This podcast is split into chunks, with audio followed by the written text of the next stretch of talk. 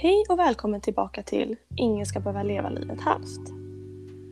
En informativ och reflekterande podd om psykisk ohälsa för unga där jag, Ida, bjuder in olika individer kopplade till varje avsnitts valda tema för att kunna skapa igenkänning samt relevant diskussion och information åt alla er lyssnare därute.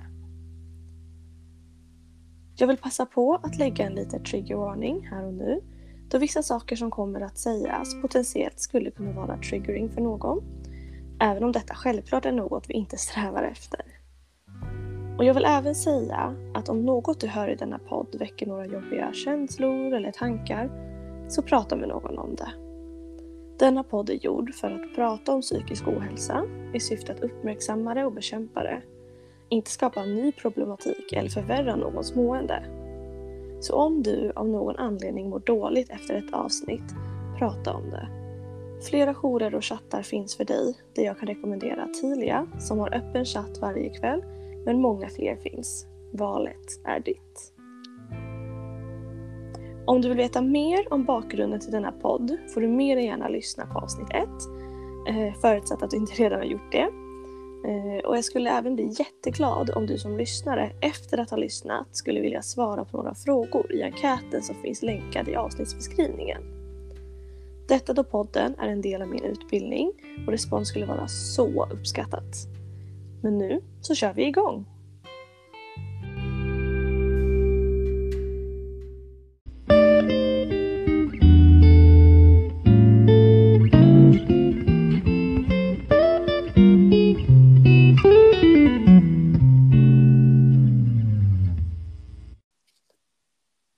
Avsnitt ska vi prata om stress, prestation och utmattning. Och jag kommer att få göra det med Johanna som ni enkelt hittar via Instagram på kontot johannas.livsstil. Välkommen hit Johanna! Ja men tackar tackar, vad spännande! Ja, verkligen. Ja, att få... Jag tänker att eh, jag tänker att du kan väl ta och presentera dig lite och ge oss en bild av din erfarenhet av temat innan liksom, sen kanske jag går vidare med lite definitioner och symptom och sådär och så bara kan vi låta diskussionen flöda. Ja, vad härligt. Men absolut, jag kan börja med att presentera mig lite, lite lätt. Jag är då en, en norrlänning som ni kanske hör, pratar norrländska, jag bor i Umeå, men kommer ursprungligen från Skellefteå och eh, jag bor här i Umeå med min man och så har jag tre barn. Eh, jag har en tjej som är 17 och så en som är 13 och så har vi faktiskt en tjej som snart fyller tre också. Så vi har lite, vi har barn i alla åldrar här hemma. Eh, jag är i grund och botten faktiskt så har jag jobbat väldigt mycket med hälsa och jobbat som både hudterapeut och massör och friskvårdskonsult. Så jag jobbar liksom mycket med hälsa och framförallt som mest egentligen när jag gick in i min utmattning så jobbar jag med att hjälpa andra människor. Mm. Jag jobbar idag som stretchcoach men också så har jag en icke så trevlig erfarenhet av utmattning kan man säga. Eh, jag har verkligen gått igenom utmattningens alla olika faser och svårigheter, men även faktiskt kommit ur det och brukar säga att jag är helt frisk idag, vilket är fantastiskt att kunna säga. Så att eh, ja, det är en del av vem jag är helt enkelt. Härligt skönt att höra också, att verkligen kunna säga det och känna det. Att ja. jag har kommit ur det här ja. nu. Liksom. Det, det är någonting, en del av mitt liksom, mm. förflutna, även om såklart erfarenheterna finns ju kvar. Ja, och det är ju också en sån där grej som man känner väldigt mycket när man är mitt i sin utmattning, att kommer jag någonsin att kunna bli frisk? Och ibland mm. får man faktiskt också höra det. Till exempel jag fick höra att det är många som aldrig blir friska, det är många som får bestående skador, det är många så, så jag hör, fick nästan aldrig höra några positiva erfarenheter av utmattning, om man nu kan ha det. Men just det här positiva, att man faktiskt kan bli frisk, eh, den vill jag förmedla, för det går. Men det krävs, mm. det krävs ju lite arbete bakom, men, men det går. Och vi har ju fantastiska kroppar som alltid strävar egentligen efter läkning. Så att det går, det går, det går. Och jag hoppas att jag kan inspirera till det. Kring definition och symptomsbeskrivning skulle jag i detta avsnitt vilja ta upp stress, prestation och utmattning utmattningssyndrom. Stress är enligt UMO en naturlig reaktion i kroppen där hjärnan skickar ut stresssignaler som gör att hjärtat börjar slå fortare, andningen blir snabbare och musklerna spända. Vilket är bra om du behöver göra något snabbt och reaktionen kan göra så att du får mer gjort när du är pressad eller vid tidsbrist. Men stress kan bli ett problem om du ofta är stressad eller inte får koppla av emellanåt. Vad som orsakar stress kan vara många olika saker, positiva som negativa. Dessa kan vara högst individuella. Och symptomen på stress är många. Det kan vara bland annat sömnsvårigheter, koncentrationssvårigheter, dåligt minne, ångest, ont i magen, spänningshuvudvärk och listan bara fortsätter.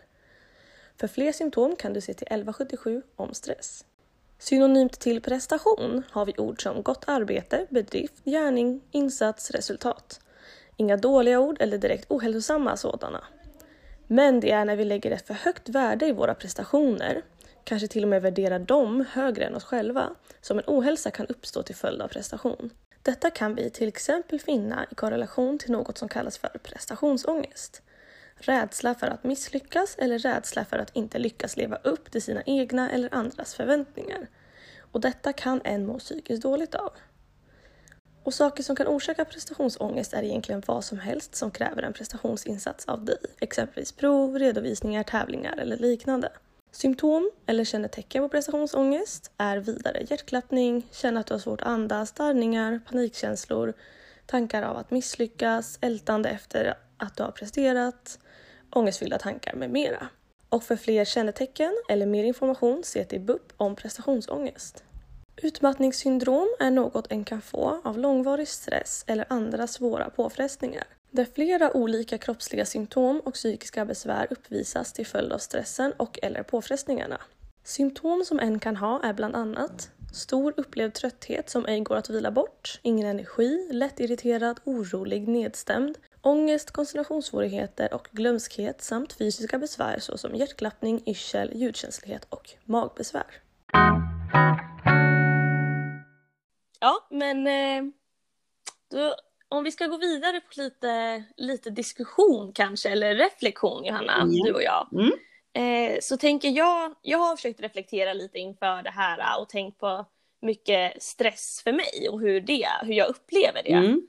Eh, och när jag blir stressad över att det antingen är liksom, ja men det är mycket i min vardag som händer eller att jag har mycket typ i skolan att göra mm. så upplever jag ofta eh, ganska stark ångest mm. liksom, hos mig själv som skapar någon form av eh, passivt eller så jobbigt tillstånd där jag liksom inte orkar ta tag i, i vad det nu än är som jag liksom upplever jobbigt eller stressande. Mm. Vilket resulterar i ännu mer ångest mm. över att jag inte har gjort något av det som jag skulle behöva göra och så blir det liksom en ond, en ond spiral. Mm. Kan du bryta den på något sätt?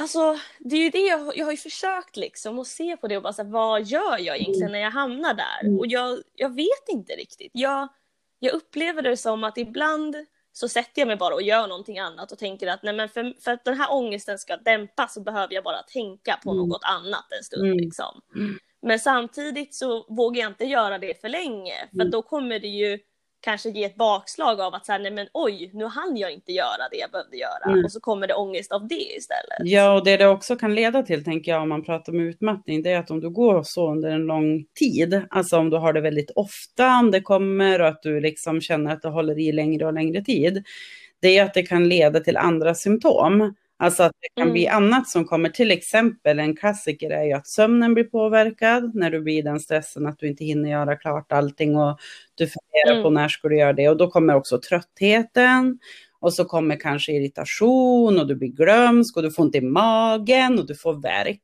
Så det är ju det här att liksom att gå med en långvarig stress, alltså stress som du beskriver är ju naturligt. Men att gå mm. i den långvarigt, det är den som är farlig när återhämtningen försvinner. Och börjar det bli ångest så är det också en grej som är extremt påfrestande för kroppen, men även då knoppen.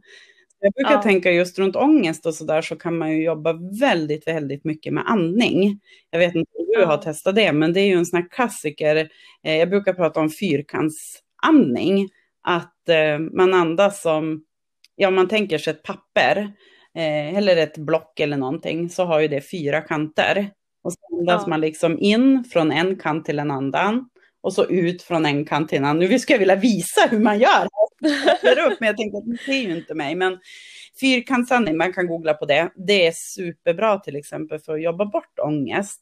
Och särskilt Ja. om du gör det när du känner att nej, men nu börjar det komma, liksom, att låt det inte gå för Mm. långt.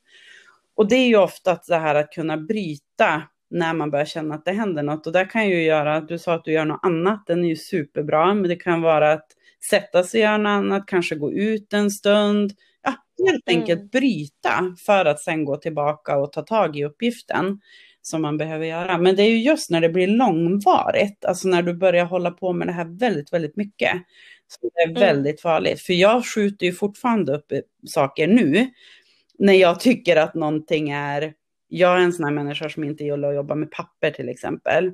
Och när jag ska Ja. göra det då bara, åh jag skjuter in i det sista liksom. Men när jag då tar tag i det, då är det klart. Alltså, Ja. och det är ju klart att ska jag sitta med det då varje dag, flera gånger om dagen, då skulle ju det bli en jättebelastning för mig. Men det gör jag som tur var inte. Jag har valt bort. Men, men det är de här långvariga som är att försöka hitta ett, ett, bryt, ett brytbeteende och andning är bra. ja, men verkligen. Mm. Och jag har ju, jag har ju lite erfarenhet också av, Mm. eh, av prestationsångest. Och, eh, eller ångestattacker. Mm. Och då är det ju verkligen det här med att bryta Mm. och typ andas och bara veta att så här, okej men Mm. det här är liksom en känsla, det här är inte Mm. om liksom, det är inget farligt som händer Nej. på riktigt eller det, det kommer inte att ske någonting hemskt Nej. nu utan jag behöver bara andas i en kvart kanske och sen så kommer det bli Mm. bättre. Jag brukar tänka också just det där att tro inte på allting du tänker. Alltså det är så extremt mycket tankar som går i en människas huvud varje dag. Och eh, just det här med ångest och, och de bitarna, att ofta så spär vi på våran ångest med tankar. Och det är så spännande hur vi faktiskt på riktigt kan påverka våran hälsa och vårt mående genom att försöka då bryta tankemönster. För det är ju, ofta, det är ju vid Mm. tanken det börjar. Eh, och jag jobbade mycket med när jag var sjuk så jobbade jag mycket genom bara ord i huvudet. Alltså att jag, jag hade haft jättemycket framtidsångest brukar jag kalla det. Eh, Och det var just det här, men gud, kommer jag någonsin att bli frisk? Eh, vad ska jag göra för någonting? Jag måste byta jobb, jag kan inte jobba så här. Ja, men du vet alla tankar om framtiden. Och det jag fick gå in och tankar för mig kom alltid på nätterna. Eh, var de som värst och det gjorde ju då att jag också fick Mm. väldigt mycket som problem. Men jag gick in och bara, nu måste jag bestämma mig. Så att jag tog ett ord i mitt huvud och det var bryt. Alltså det är ett ord som jag direkt det kommer tankar som inte liksom gagnar mig på det sättet. Då brukar jag tänka bryt. Och så får man liksom börja om, för tankarna kommer ju tillbaka. Men gå in och bryta hela tiden och, och ju mer man gör det, till slut försvinner de faktiskt. Men man måste ju jobba med det, det är ingenting som går direkt. Mm. Nej, nej, verkligen Mm. inte. Det är intressant, det är så kul att höra hur andra hanterar Ja. liksom, eh, jobbiga Ja. känslor eller tankar. Och, att det finns verkligen, det är så individuellt vad som funkar. Ja, liksom. och det är det som är problemet. Det vore ju jätteskönt om allt funkar på alla direkt. ja, Då hade, det, då hade det varit enkelt, men vi är ju människor, vilket är ju fantastiskt. Så att det är ju, ja, det är olika för alla. ja. Mm. Ja, det är fantastiskt att vara människa men det hade varit väldigt skönt med en kille. Ja, eller hur? Och där tänker jag också, du sa att du var en prestationsmänniska, eh, att du hade mycket prestationsångest. Jag brukar ju säga att jag alltid har varit en prestationsprinsessa. För så Mm. har det också varit väldigt, väldigt mycket för mig. Jag vet egentligen inte var det kommer ifrån. Jag brukar få den frågan, men var kommer det ifrån? Och när jag tittar tillbaka liksom på hur jag är uppvuxen och så där så ser jag inte en prestations eh, att jag har behövt prestera liksom i min familj eller inför, jag är liksom inte uppvuxen så. Så att jag vet inte riktigt vars det kom, men jag tror att det börjar någon gång i tonåren. Eh, när Mm. man ska passa in och, och alla de här bitarna. Eh, ja, mycket prestation. Det är ju oftast Ja. högpresterande människor som blir utmattade. Det är jätte, jättevanligt. Ja men verkligen. Jag upptäckte ju det, för mig var det ju också någon gång, det var liksom tonåren men det var egentligen inte jag tror att det handlade mer för mig om att jag såg så många andra i min Mm. omgivning, både syskon och vänner som hade saker som var deras Ja, grej. Och jag hade ingen grej Nej. upplevde jag det som. Och då blev skolan min Mm. grej. För att alla sa, det var liksom när man började få högre, höga betyg så tyckte folk att så här, oj men Du- är ju, det spelade ingen roll om de kallade mig pluggis eller duktig eller Nej. smart. För det var ändå en grej Ja, som jag hade Ja, liksom. Eh, någon form av identitet. Mm, mm. Eh, och där tror jag att det skapades, Mm. liksom, att jag blev väldigt prestationsdriven eh, och värderade min prestation väldigt högt. Ja men gud, det där känner jag igen och jag, jag tänker att för mig gick det att hålla uppe den här prestationen väldigt, väldigt många år. Och det är ju, jag gick ju under väldigt många år och var i hög prestation, alltid vars jag än var. Alltså om det var på jobbet, om det var i träning, alltså vars det än var så var jag högpresterande. Egentligen när det Mm. varit väldigt svårt att hålla allting i luften, det var ju när jag fick mina första barn. Inte kanske det första barnet när jag hade ett barn, men sen när det andra kom och de var ganska tajt i ålder och sådär, det var då började det liksom, för då var det också en hemmiljö som skulle funka tillsammans med prestation på eh, jobb och på träning och allting som jag skulle hålla uppe liksom. Så det vart, när det Mm. kom in också nya människor i livet som ändå betyder väldigt mycket för en så, så vart det väldigt, eh, ah, då var det rätt kört faktiskt. det är inte riktigt. Och, det är jag glad för idag, för jag är glad att jag har kunnat om, omvärdera livet. På ett, och det är ju också härligt att få säga att jag faktiskt idag är väldigt, väldigt tacksam för det jag har gått igenom. Och jag brukar Mm. få frågan också om, eh, om jag skulle vilja vara som innan jag blev utmattad. Och då brukar jag tänka nej, aldrig. Jag vill aldrig tillbaka till den där prestationsmänniskan. Jag är väldigt, väldigt Mm. nöjd över att vara en människa som, ja, som gillar saker och ting och förstås kan prestera och så, men att jag också har en annan sida som, som finns där Ja. och som jag kan omfamna, om man säger så. Som jag inte gjorde förut, förut körde jag över den bara. Mm. Ja, Mm. vad Ja. skönt. Men, men jag tänker lite, vi har ju tassat lite kring det, men jag tänker, det kan, jag är väldigt nyfiken, jag tänker att de som lyssnar Mm. också, hur, hur var ditt insjuknande liksom? Hur, eh, eller jag tror man Ja, säger det, så det, va? säger så. Ja. Alltså, egentligen så började det ju med symptom som pågick, på, pågick under ganska lång tid. Och de första symptomen som var väldigt, väldigt tydliga, det var ju sömnproblem. Alltså jag har gått Mm. med sömnproblem i så extremt många år. Men det som jag vet att min mamma sa någon gång att eh, ja men Johanna, du har haft sömnproblem sedan du var liten. Och lite så har det nog varit, att jag alltid har sovit lite dåligt och varit på helspänn och sådär. Men det här eskalerade ju under min utmattning, eller innan jag blev sjukskriven för utmattning ska jag säga. Alltså det var ju, eh, nu tiden är ju så svår att komma ihåg exakt, men det sen, alltså året innan jag blev sjukskriven så var det hemskt.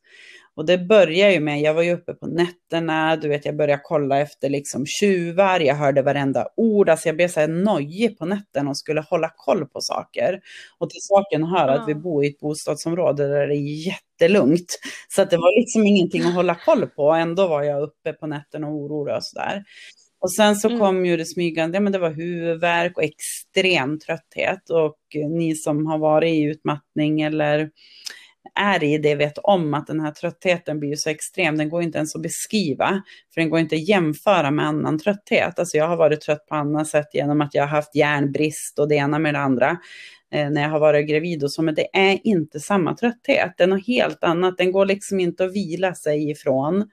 Eh, och den, ja, den, den ja, jag brukar beskriva som att man är i en bubbla på något vis. Väldigt mycket också Mm. ont i huvudet, yrsel, eh, börjar få väldigt, väldigt mycket minnesluckor. Och det här med minnesluckor var riktigt otäckt alltså, för det till saken hör den att då jobbade jag med, jag körde väldigt mycket bil i mitt jobb. Och Jag vet att när jag satt där någon gång och hade kört en lite längre tur, att jag hade ingen aning om var jag hade varit. Jag hade ingen aning om hur jag tagit mig dit. Jag kom liksom inte ihåg. Och det var ju jobbigt. Men också såna här grejer som att jag till exempel skulle leta efter ehm, ja, men med en telefon, alltså en, min telefon och så visste jag inte var den var och så låg den i kylen. Eller om ja, alltså man står där och ska Mm. laga mat och vet inte hur man sätter på plattan. Mycket sådana där grejer där man börjar bara, gud vad är det för något? Ja. Sen fick jag, ursäkta att jag hostar, sen fick jag också mycket verk i kroppen, vart väldigt, väldigt svullen. Gick också upp väldigt mycket i vikt, jag gick upp 12 kilo under ganska kort period. Och, och grejen är den att jag åt fortfarande, jag är ju jätteintresserad av hälsa, så att jag åt bra mat och tränade, mm. jag ska säga så här, jag tränade nog mer än någonsin. Och ändå så gick jag bara upp och upp i vikt. För jag tänkte ju att okej, okay, om jag går upp i vikt behöver jag ju röra mig mer. Och egentligen behövde mm. jag bara slappna av. Då kanske jag gått ner i vikt om mm. jag hade tagit det lugnt. Mycket irritation, ångest som vi var inne på, vilja. Alltså, jag hade ingen vilja kvar, jag tyckte inte någonting var kul. Jag ville bara vara själv egentligen. Och så hjärtklappning mm. och sådär. Det var väl så, så det började, men jag fattade fortfarande ingenting. Alltså jag fattade ingenting. Och det som då hände det var att den här huvudvärken eskalerade. Och eh, jag började söka hjälp på vårdcentralen. Och de började utreda mig då för hjärntumör. Ja, så det var verkligen så här, för jag fick ju synbortfall och det var liksom en huvudvärk som inte gick att beskriva och så. Så att eh, min läkare här på, hon skulle skicka remiss så att jag skulle få fara och kolla så det inte var något sånt. Och då en dag var hon sjuk, världens gulligaste, hon ville ju verkligen hjälpa mig. Hon var sjuk mm. så jag kommer till en äldre herre som var väldigt, ja han var pensionär helt enkelt. Och han satt där när jag kom in och läste mina papper och så tittade han på mig och bara, men inte har du någon hjärntumör inte? Jag tror att du är utmattad. Och då bara ja. föll det. Alltså jag grina, alltså han sa bara orden så började jag grina. Jag, liksom, jag kommer ihåg att jag, jag vet inte om jag satt mig ner eller om jag föll eller vad jag nu gjorde, det vet jag inte. Men, men det var bara, allting bara rasade då. Och jag, mm. det var samtidigt väldigt, väldigt skönt att han sa det, för det var som att någonting släppte och jag kände att jag behövde inte hålla uppe någon fasad längre på något vis och låtsas att allting var så himla bra. Och förstås också mm. en oro som hade då spett på mina symptom över att det var något annat som jag kunde släppa. Mm. Så att, ehm, och då ringde jag, kommer ihåg att jag ringde till min chef där jag var anställd och sa att jag skulle vara sjukskriven en vecka. För det var det som han eh, sa åt mig, att du kommer att vara sjukskriven en vecka och så sen kommer du ha ett möte med din andra läkare och så får ni se hur det blir. Men jag tänkte att jag är ju sjukskriven en vecka, mm. sen är jag tillbaka. Och jag var sjukskriven i två år och sen kom jag aldrig tillbaka till mitt jobb utan jag slutade där. Så att, eh, ja, så, så vart den veckan helt enkelt. Det var, ja, ja det var en intensiv vecka, men jag bara ser hur jag ringde till min chef och fortfarande höll uppe den här äh, pigga prestationsprinsessefasen ungefär. Ja. ja. Mm. Prestationsprinsessan var inte redo in, att, inte äh, alls att eh, lugna ner sig lite och nej, sakta nej, nej, in. Nej, liksom. jag, jag, skulle hålla uppe nej. den. Så det tog, och där är ju också så himla spännande för att sen den här fasen när man är, det inledande fasen kan man väl säga, den pågick ju så mm. många år och så sen var det som bara pang och den bruk, man brukar kalla den fasen som är då fas 2 en utmattning för att, eh, akutfasen. Och det var ju den som kom, det var ju mm. då allting föll. Och jag brukar kalla den gå in i väggen-fasen så folk ska förstå vad det är. För det är ju verkligen att braka in, där går man in i väggen och så funkar det inte mer. Och så var det. Då tog jag mig Nej. liksom inte upp ur sängen och ja, då föll väldigt, väldigt mycket. Mm. Mm. mm. Ja, men ja, gud vad mm. intressant. Jättekul, ja. eller kul och kul men ja, intressant att höra. Det är så spännande med alla ord som blir så fel när man pratar om psykisk ohälsa. Men vad kul! Jag, vet, jag sa det också till ja. en kvinna, jag har, eh, jag har ju en egen erfarenhet av utmattning förstås, men sen har jag väldigt många kunder jag jobbar mot som har utmatt, som är i utmattning eller har varit. Och just när man pratar med mm. dem och vi har diskussioner så bara, men vad, vad spännande! Och så bara, nej, det är inte så spännande, men det blir så fel ord för det är ju så intressant ja. och ja, det är många som kan känna igen sig. Mm. Mm.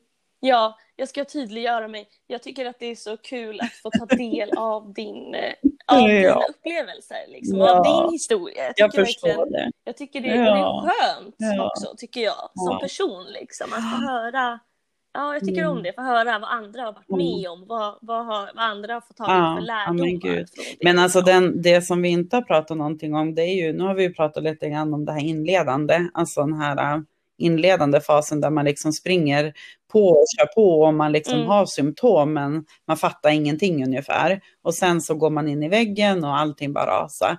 Men den, den fasen som kommer sen, den är ju en fas som ja, återhämtningsfas eller jag brukar säga sömngångarfasen. För det är ju den fasen egentligen som man oftast är i längst. Alltså den här akuta fasen är ju inte under år. Utan sen kommer ju en fas Nej. där det alltså det, då är det återhämtning som gäller. Och det kan ta så fruktansvärt lång tid. Och det är här man oftast också kan bli lite otålig. Eh, Men varför händer ingenting? Jag är fortfarande lika trött. Jag orkar ingenting. Jag blir så trött av att bara prata i telefon med en kompis eller gå och fika eller ta en promenad. Och den, den är ju jobbig alltså när, när kroppen behöver så extremt mycket tid för läkningen. Mm. Ja. Men gud, ja, jag kan bara Mm. tänka mig. Och den kan pågå i år. Ja. Nej, Om, så är det. Så att den Mm. kan ju pågå. Och väldigt många kan ju i den fasen också börja jobba lite grann. Men det är väl det också, idag ska ju allting gå så himla fort. Jag är ju på något sätt också glad och tacksam för att jag blev sjukskriven, att det är ett par år sedan nu. För idag är ju människor sk- Mm. sjukskriven kanske, ja men, jag kan, ja men jag har varit sjukskriven två månader. Eller jag har varit sjukskriven en månad och nu vill de att jag ska jobba heltid. Eller, alltså det ska gå väldigt, väldigt snabbt idag tillbaka till att man är frisk. ja, Och vi funkar ju inte så. Nej. nej. Det är inte, och det känns som att både liksom, ibland kan det vara Mm. en själv kanske. Jag har ju inte själv Mm. varit sjukskriven, men jag känner ju Ja. folk som har varit det. Det känns som att både individen själv, men kanske också Ja. företaget eller liksom platsen man jobbar på, att det finns en brist i förståelse för vilan som behövs och för Ja. återhämtningen som behövs, den tiden det ja, kan det är behöva ta. väldigt, väldigt vanligt. Men det är också så himla fascinerande att vissa företag har sån otrolig koll. Och det tycker jag är så glad över att jag får höra. Jag blir så glad när jag pratar med människor som säger att Nej, men de förstår mig och jag får anpassa och, och sådär. Sen är det ju faktiskt många nu Mm. också som har börjat om att jobba i sin utmattning i den tiden vi lever i nu. Eh, som faktiskt får jobba ganska Ja. mycket hemifrån som också tycker att det funkar jättebra. För att man då inte har Mm. mycket folk runt om sig, för det kan ju vara jättejobbigt att man inte blir störd i sina arbetsuppgifter, utan man får jobba klart utan att någon kommer in eller sådär. Så att det är också en fördel att många Ja. idag kan jobba hemma. Nu, jag måste, känner bara, jag måste hoppa Ja, tillbaka det. lite eh, till Mm. när du berättade innan. Ehm, för jag tänker på det du nämnde att till exempel att Mm. när du hade järnbrist när Mm. du var gravid va? Och att du trodde Ja. då att det var utmattning och så var det inte det. För jag själv har ju upptäckt att jag Mm. troligtvis har eh, järnbrist. Det var under den här Ja. hösten eller vintern. Eh, och jag var ju övertygad en period om att jag hade någon form av Mhm. utmattningssyndrom för att liksom symptomen var Mm. så lika och jag tänkte, för jag förstod inte var Mm. det här kom ifrån. Eh, och jag tog ju studenten i, eh, ja, Mm. inför våras liksom. Eh, så jag tänkte, och då Mm. var det ju väldigt mycket med, alltså hela Mm. gymnasieperioden var mycket betyg och sånt. Så jag tänkte, är det här någon form av att nu, nu kommer allt tillbaka, nu kommer liksom stressen tillbaka i form Mm. av någon utmattning. Jag var så väldigt förvirrad liksom, jag förstod inte riktigt. Eh, men sen var det ju så intressant då att eh, det var lite svårt, jag lever med Mm. en riskperson i hemmet så jag ville heller inte uppsöka vård hur som helst för att jag tänkte Nej. att jag vill inte riskera smitta och allt vad det var. Eh, men sen var det Mm. en klasskompis till mig eh, som bara upplyste mig om faktumet för vi, vi hade pratat Mm. om menstruation Mm. i skolan tidigare där jag hade liksom delgivit att ja, men Ja. jag har en väldigt, eh, väldigt eh, flödande exakt. menstruation liksom. Och då var det Mm. bara hon som sa det, att så här, men, men har, har du kollat in järnbrist? Har du tänkt på att du Mm. skulle kunna ha järnbrist till följd av din menstruation? Och jag bara, va? Alltså typ Nej. så här, jag hade ingen aning, Nej. jag, hade inte liksom tänkt på det och då var det ändå så här, ja ah, men ska jag gå till en vårdcentral men jag vill Mm. inte heller vara en belastning Ja, i den här förstår. pandemin. Och då, då tror jag det var min pappa som bara, men det Mm. finns ju järntabletter Exakt. receptfritt. Vi, Mm. vi, vi kan gå och köpa Mm. det och så provar vi det Mm. och så ser vi vad som händer. Och jag skojar inte, alltså på kanske Ja. någon vecka så kände Ja. jag så stor skillnad. Eh, och då tänker jag just på det här med att liksom, jag tycker det är Mm. intressant att så här, du, typ att din Mm. första läkare tänkte att du ja. kanske hade en hjärntumör och mm. att det måste vi utreda. Och sen så ja. sitter en annan läkare bara en sekund ja. typ på dina papper och bara nej men du är ju utmattad. Du behöver sjukskrivning nu, du behöver inte undersökas mer. Han var liksom. nog väldigt erfaren. jag vet inte vem det var, det är det som är så hemskt. Jag, jag skulle så gärna vilja tacka honom, men, men jag, jag har faktiskt ingen aning. Men det är ju så intressant det du säger. Mm. Jag jobbar ju jättemycket med näring och det är ju jag har gjort i många år och är mm. väldigt, väldigt intresserad av. Och just om man tittar på järnbrist, det är ju precis det här trött, orkeslöst, koncentrationen blir eh, jättedålig, man kan bli yr andfådd, man kan få så här hjärtklappning, mm. alltså alla egentligen de här symptomen som, som man faktiskt går och bär på vid utmattning kan handla om, om järnbrist. Men det, det jobbiga med det här är ju att det kan också handla om B-vitaminbrist, för det också, kan också vara samma symptom.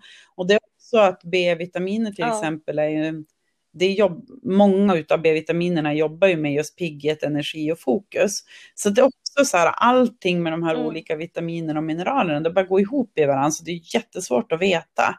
Och där också tänker jag på att det är väldigt mm. många också som börjar misstänka och tro, och det kan de ju absolut ha. Man kan ju ha järnbrist tillsammans med en utmattning förstås. Alltså, det är ju väldigt, väldigt vanligt, för jag menar kroppen mm. blir ju i stress och när vi stressar så dras det ut massor med näringsämnen ur kroppen och har man då också riklig menstruation och är kvinna så är ju det som pricken på i. Men många får ju också väldigt mycket med hormonerna. Alltså det här viktuppgången till exempel kan ju kopplas till det hormonella systemet. Även trötthet, orkeslös, att man tappar mycket hår. Eh, så mycket symptom går mm. ihop med varandra. Och det är väldigt, väldigt svårt att eh, förstå vad det är helt enkelt.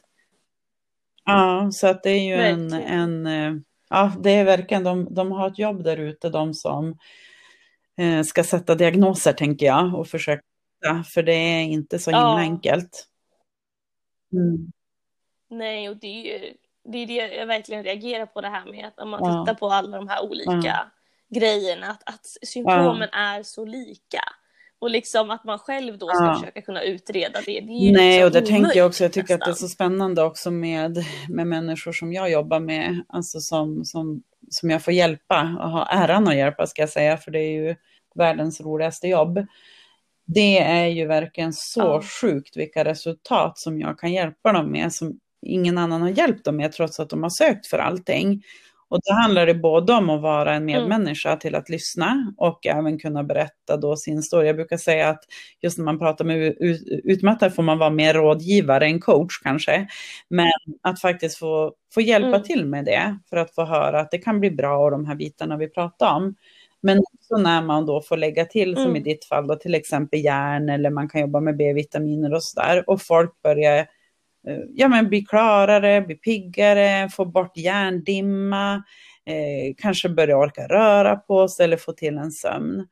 Eh, det är ju fantastiskt. Mm. Så att mycket kan man hjälpa på andra vis också. Men eh, oftast behöver man jobba med annat eh, också. Jag brukar säga att man ska bli en eh, bra nej-sägare. Det är ju oftast de som hamnar i utmattning är ju jag-personligheter som säger ja till nästan allt utan att nästan mm. tänka efter. Och då kör man ju väldigt, väldigt lätt över sig själv. Så det är bra att lära sig. Ja. Mm. Ja. ja, men det, det, är roligt att du säger det. Jag tror det var min, eh, min morfar som fick, eh, jag vet inte vem det var han hade varit hos, som mm. blev, han blev nästan wow. ordinerad att säga nej utan att ge en förklaring. Ja. Alltså han skulle träna på det. Jag vet inte wow. vad det var han hade kontakt med. Ja, det är svårt. Eh, och, och det, det, var så intressant mm. för han gick verkligen ja. runt och tränade mm. på det. Liksom, att så här, mm. Han var inte i någon utmattning men att han behövde, han behövde lära sig att säga nej till folk ibland. Och om någon bara så här, nej. varför? Då bara så här, nej. Jag behöver, nej, jag behöver inte säga varför.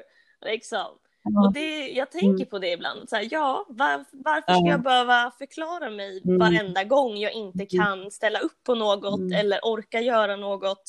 Så här, det kan räcka med att nej men jag behöver lite egen tid. Så bara nej, det och går inte idag. Och vad skönt det är när man liksom. inser att man behöver inte förklara. För det är ofta så att man tror att människor vill ha en förklaring, mm. men när man ser det att det är ingen som kräver det av mig, då blir det ju jätteskönt. Men jag upplever också en jättebra mm. grej som, som jag lärde mig ganska tidigt under, alltså när jag var riktigt dålig, det var ju det här om att jag var tvungen att hitta ett sätt till att eh, be människor om betänketid. Alltså att jag, om någon ringer till exempel så här, men hej vad, vad ska du göra på fredag? Kan du följa med dit? Och så visste jag inte om, kommer jag orka mm. det? Vill jag det ens? Alltså jag hade liksom inga känslor för det som skulle hända. Då började jag säga så här att, vet du vad, jag vet Nej. faktiskt inte vad jag gör på fredag, kan jag återkomma till dig? Och så fick jag liksom landa mm. i det den personen då hade bjudit in mig till. För att se bara, ja men det kommer ju att bli bra det här. Nej men jag vill. För att annars förut ja. sa jag bara ja och så la jag på och så bara, nej men gud hur ska jag orka det här nu då? Alltså jag vet inte ens hur jag mår på fredag. Kommer jag orka, då ska jag ta mig dit och så. Ja mm. men du vet det blev ett jätteprojekt innan jag ens var där. Så att be om betänketid är en sån klockren och det var ju det han gjorde. Han var lite mer tydlig bara med nej. Men jag kör en lite mjukare variant med att be om betänketid. Mm, den är bra ja. Mm. mm. Ja men det låter jättebra, ja. tycker jag verkligen. Uh, jag tänker att det blir bra, vi ska ja. väl börja runda av snart. det är jätteroligt att liksom sitta och prata med dig. Verkligen. Eh, jag ja. tänker på våra lyssnares öron, de kommer nog inte orka fokusera Nej. mycket längre till. Men jag tänker att det kan bli en bra, en bra mm. ingång till tips. Oh, vad, vad har du för ja, Då får vi sitta en timme till. Nej, jag skojar. Så är det inte. Nej, men alltså det finns ju väldigt, väldigt mycket tips förstås. Men en av dem är ju den här som jag sa nyss, att be om betänketid. Men vi drar igenom några här och det är boka paus Alltså boka in pauser i kalendern. Alltså precis som du planerar att gå på spinning ja. eller på promenad eller vad du nu gör. Boka även in en paus. Att här har jag min egen tid. Och på den egen tiden när jag var i utmattning, mm. men även idag, så brukar jag försöka få till meditation. Jag älskar att meditera och har inte alltid gjort det. Jag har också hatat att meditera tidigare. Men det är ju verkligen en jätteskön grej för mm. att landa i sig själv och hitta, hitta sig själv igen. Eh, men boka in pauser, be om hjälp. Alltså just det här att eh, vi är så vana att klara allting själv och ofta som man också hamnar i en utmattning så är man väldigt van att köra på. Man kör över sig själv men man kan också råka köra över andra när man då bromsar in och börjar ja. se, så be om hjälp. Det kanske är någon som kan hjälpa dig med någonting på jobbet eller i skolan som i ditt fall eller eh, någon som kan hjälpa till hemma. Jag kanske inte behöver dammsuga allting själv utan någon kanske kan hjälpa mig. Men sen också den här eh, som jag tycker är jätteviktig idag, det är ju att stänga av eh, telefon, mail, alltså alla de här inte alltid har på alla mm. grejer. Mm. Och det tror jag att väldigt många har idag. Att man går in i sovrummet och har på, det fortsätter att plinga liksom i alla dessa mejlprogram och allting. Så jag till exempel har ju aldrig på sånt, ja. alltså jag har inte på några som helst notiser. Och det är en jättebra grej för att inte stressa systemet. Så det är ett tips till dig om du är, alltså dig som mm. lyssnar som inte är utmattad, stäng av ändå. För att varje gång det plingar så sätter det igång någonting hos dig. Och det gör också att du inte kan vara närvarande i situationen du är, utan att du bryts, åh nu kommer det ett mejl. Och så bryts du från den situationen du var i. Kolla istället mejl när du, när du ska kolla mejl.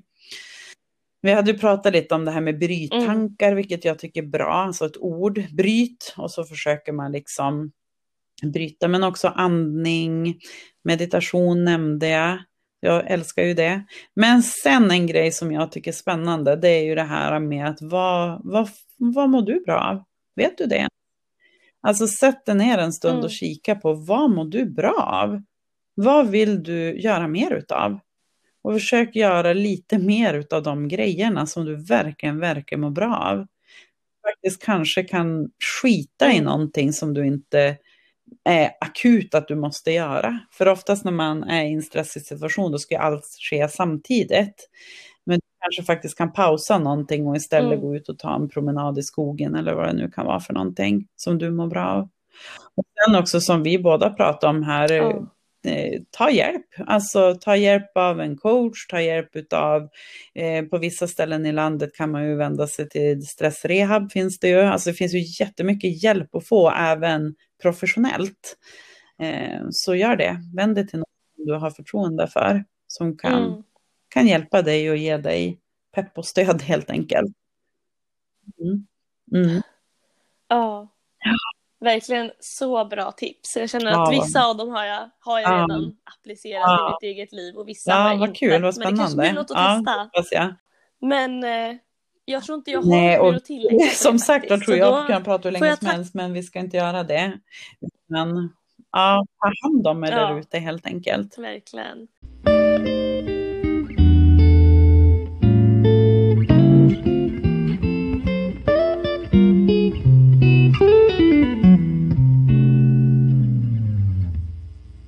Då var detta avsnitt av Ingen ska behöva leva livet halvt klart. Och jag får tacka dig Johanna ännu en gång för att du ville podda med mig. Eh, vi pratade ju lite i mun på varandra där i slutet, men så kan det bli när en har mycket att säga och diskussionen bara flödar. Jag vill också säga tack till dig som har lyssnat. Jag hoppas verkligen att du har kunnat ta med dig något av det som vi har sagt och att du förhoppningsvis ser till att reflektera över ditt liv och eller mående någon gång. Det är inget måste eller krav, men det kan vara både nyttigt och hjälpsamt för att leva livet till fullo.